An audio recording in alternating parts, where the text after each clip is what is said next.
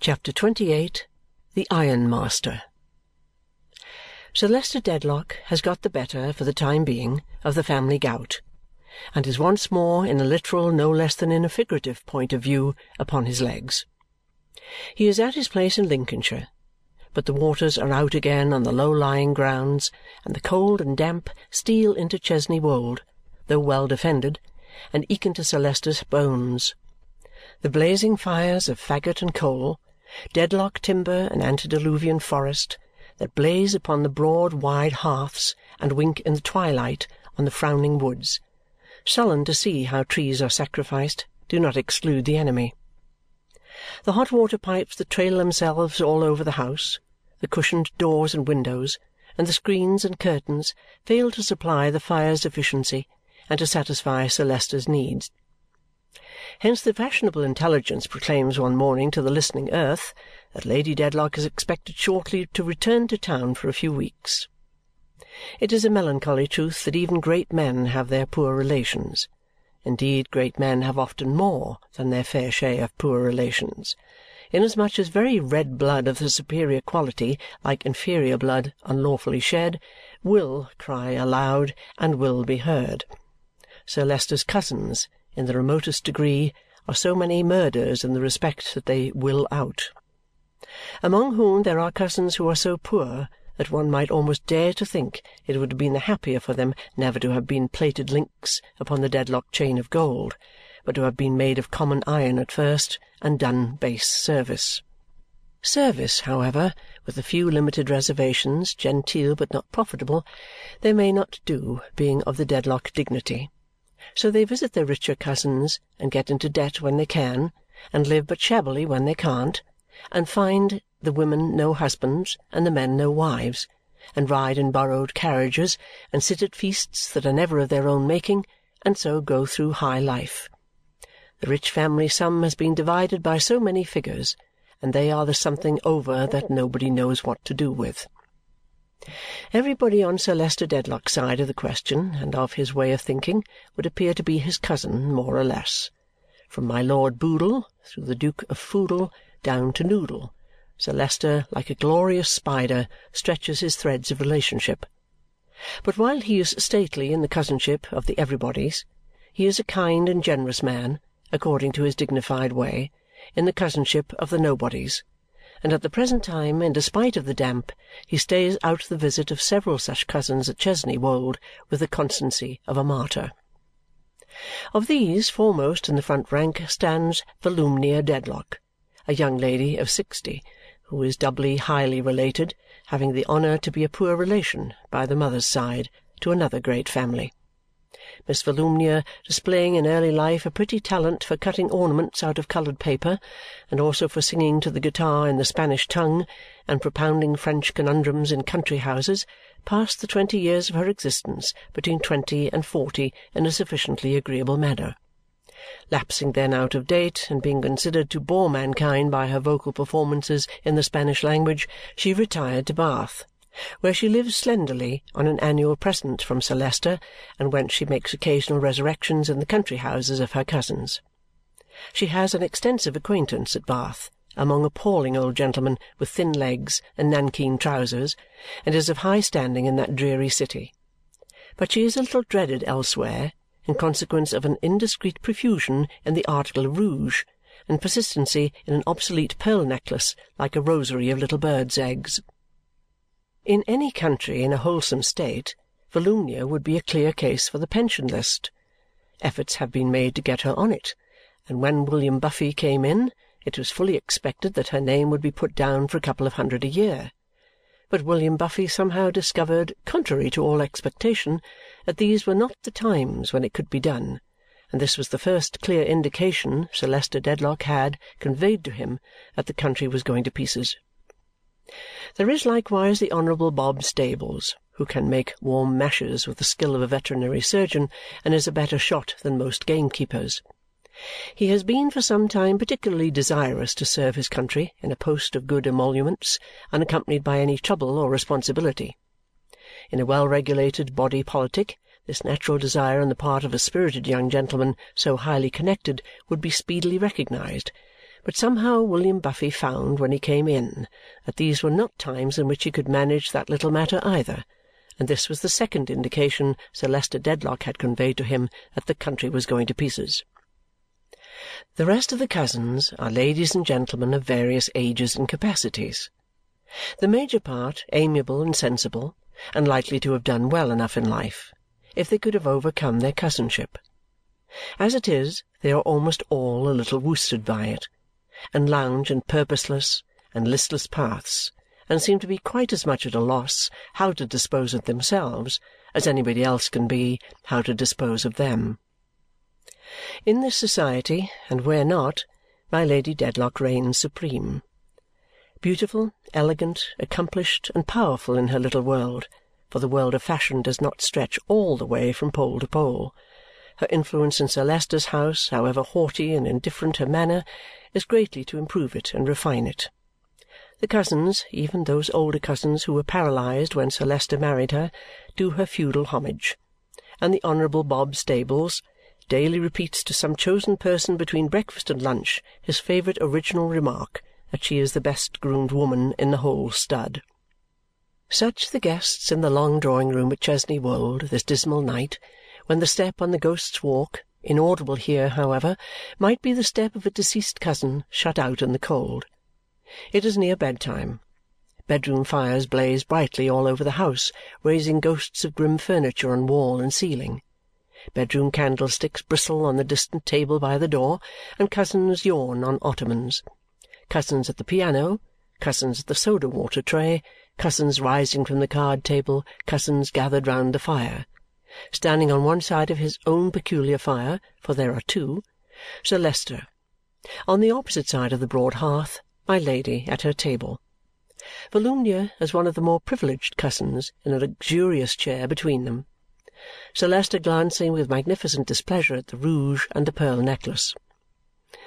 "I occasionally meet on my staircase here," drawls Volumnia, whose thoughts perhaps are already hopping up to bed after a long evening of very desultory talk, "one of the prettiest girls I think I ever saw in my life." "A protégée of my Lady's," observes Sir Leicester. "I thought so. I felt sure that some uncommon eye must have picked that girl out. She really is a marvel. A Dolly sort of beauty, perhaps," says Miss Volumnia, reserving her own sort, "but in its way perfect. Such bloom I never saw." Sir Leicester, with his magnificent glance of displeasure at the rouge, appears to say so too. "Indeed," remarks my Lady languidly. If there is any uncommon eye in the case, it is Mrs. Rouncewell's, and not mine. Rosa is her discovery." "Your maid, I suppose?" "No, my anything. Pet, secretary, messenger, I don't know what." "You like to have her about you as you would like to have a flower, or a bird, or a picture, or a poodle. No, not a poodle, though, or anything else that was equally pretty," says Volumnia, sympathizing. "Yes, how charming now! How well that delightful old soul Mrs. Rouncewell is looking! She must be an immense age, and yet she is as active and handsome. She is the dearest friend I have, positively." Sir Leicester feels it to be right and fitting that the housekeeper of Chesney Wold should be a remarkable person. Apart from that, he has a real regard for Mrs. Rouncewell and likes to hear her praised. So he says, "You are right, uh, Volumnia," which Volumnia is extremely glad to hear. "She has no daughter of her own, has she?" "Mrs. Rouncewell? No, Volumnia. She has a son. Indeed she has two." My Lady, whose chronic malady of boredom has been sadly aggravated by Volumnia this evening, glances wearily towards the candlesticks and heaves a noiseless sigh. "And it is a remarkable example of the confusion into which the present age has fallen, of the obliteration of landmarks, the opening of floodgates, and the uprooting of distinctions," says Sir Leicester with stately gloom, "that I have been informed by Mr. Tulkinghorn that Mrs. Rouncewell's son has been invited to go into Parliament. Miss Volumnia utters a little sharp scream. "Yes, indeed," repeats Sir Leicester. "Into Parliament." "I never heard of such a thing! Good gracious, what IS the man?" exclaims Volumnia. "He is called, I believe, an ironmaster." Sir Leicester says it slowly and with gravity and doubt, as not being sure but that he is called a lead mistress, or that the right word may be some other word expressive of some other relationship to some other metal. Volumnia utters another little scream. "He has declined the proposal, if my information from Mr. Tulkinghorn be correct, as I have no doubt it is. Mr. Tulkinghorn being always correct and exact. Still that does not," says Sir Leicester, "that does not lessen the anomaly, which is fraught with strange considerations startling considerations, as it appears to me. Miss Volumnia rising with a look candlestickwards, Sir Leicester politely performs the grand tour of the drawing-room, brings one, and lights it at my Lady's shaded lamp. "I must beg you, my Lady," he says while doing so, "to remain a few moments, for this individual of whom I speak arrived this evening shortly before dinner and requested in a very becoming note Sir Leicester, with his habitual regard to truth, dwells upon it. I am bound to say, in a very becoming and well expressed note, the favour of a short interview with yourself and myself on the subject of this young girl.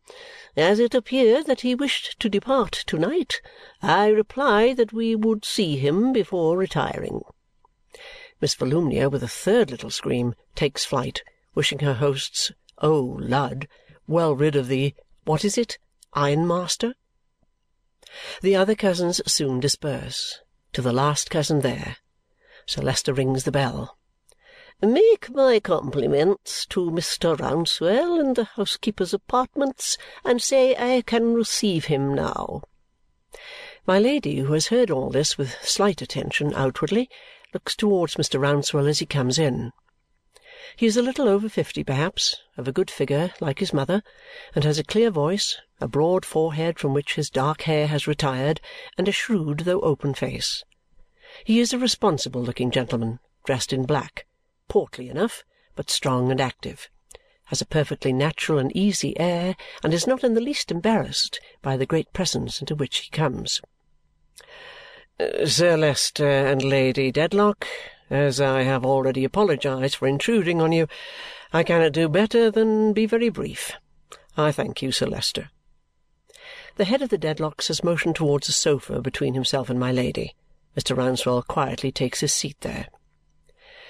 In these busy times, when so many great undertakings are in progress, people like myself have so many workmen in so many places that we are always on the flight. Sir Leicester is content enough that the ironmaster should feel that there is no hurry there, there in that ancient house, rooted in that quiet park where the ivy and the moss have had time to mature, and the gnarled and watered elms and the umbrageous oaks stand deep in the fern and leaves of a hundred years, and where the sun-dial on the terrace has dumbly recorded for centuries that time which was as much the property of every Dedlock, while he lasted, as the house and lands. Sir Leicester sits down in an easy chair, opposing his repose and that of Chesney Wold to the restless flights of ironmasters.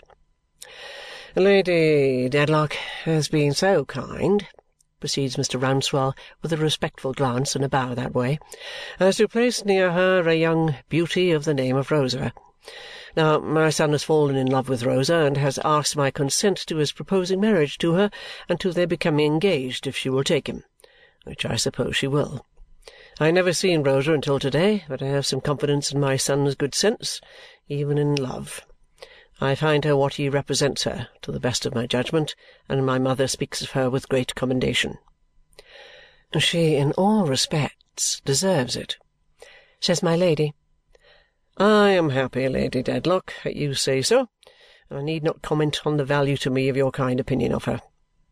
That observes Sir Leicester with unspeakable grandeur, for he thinks the ironmaster a little too glib, must be quite unnecessary. Quite unnecessary, Sir Leicester. Now, my son is a very young man, and Rosa is a very young woman. As I made my way, so my son must make his, and his being married at present is out of the question. But supposing I gave my consent to his engaging himself to this pretty girl, if this pretty girl will engage herself to him, I think it a piece of candour to say at once, I am sure, Sir Leicester and Lady Dedlock, you will understand and excuse me, I should make it a condition that she did not remain at Chesney Wold. Therefore, before communicating further with my son, I take the liberty of saying that if her removal would be in any way inconvenient or objectionable, I will hold the matter over with him for any reasonable time and leave it precisely where it is.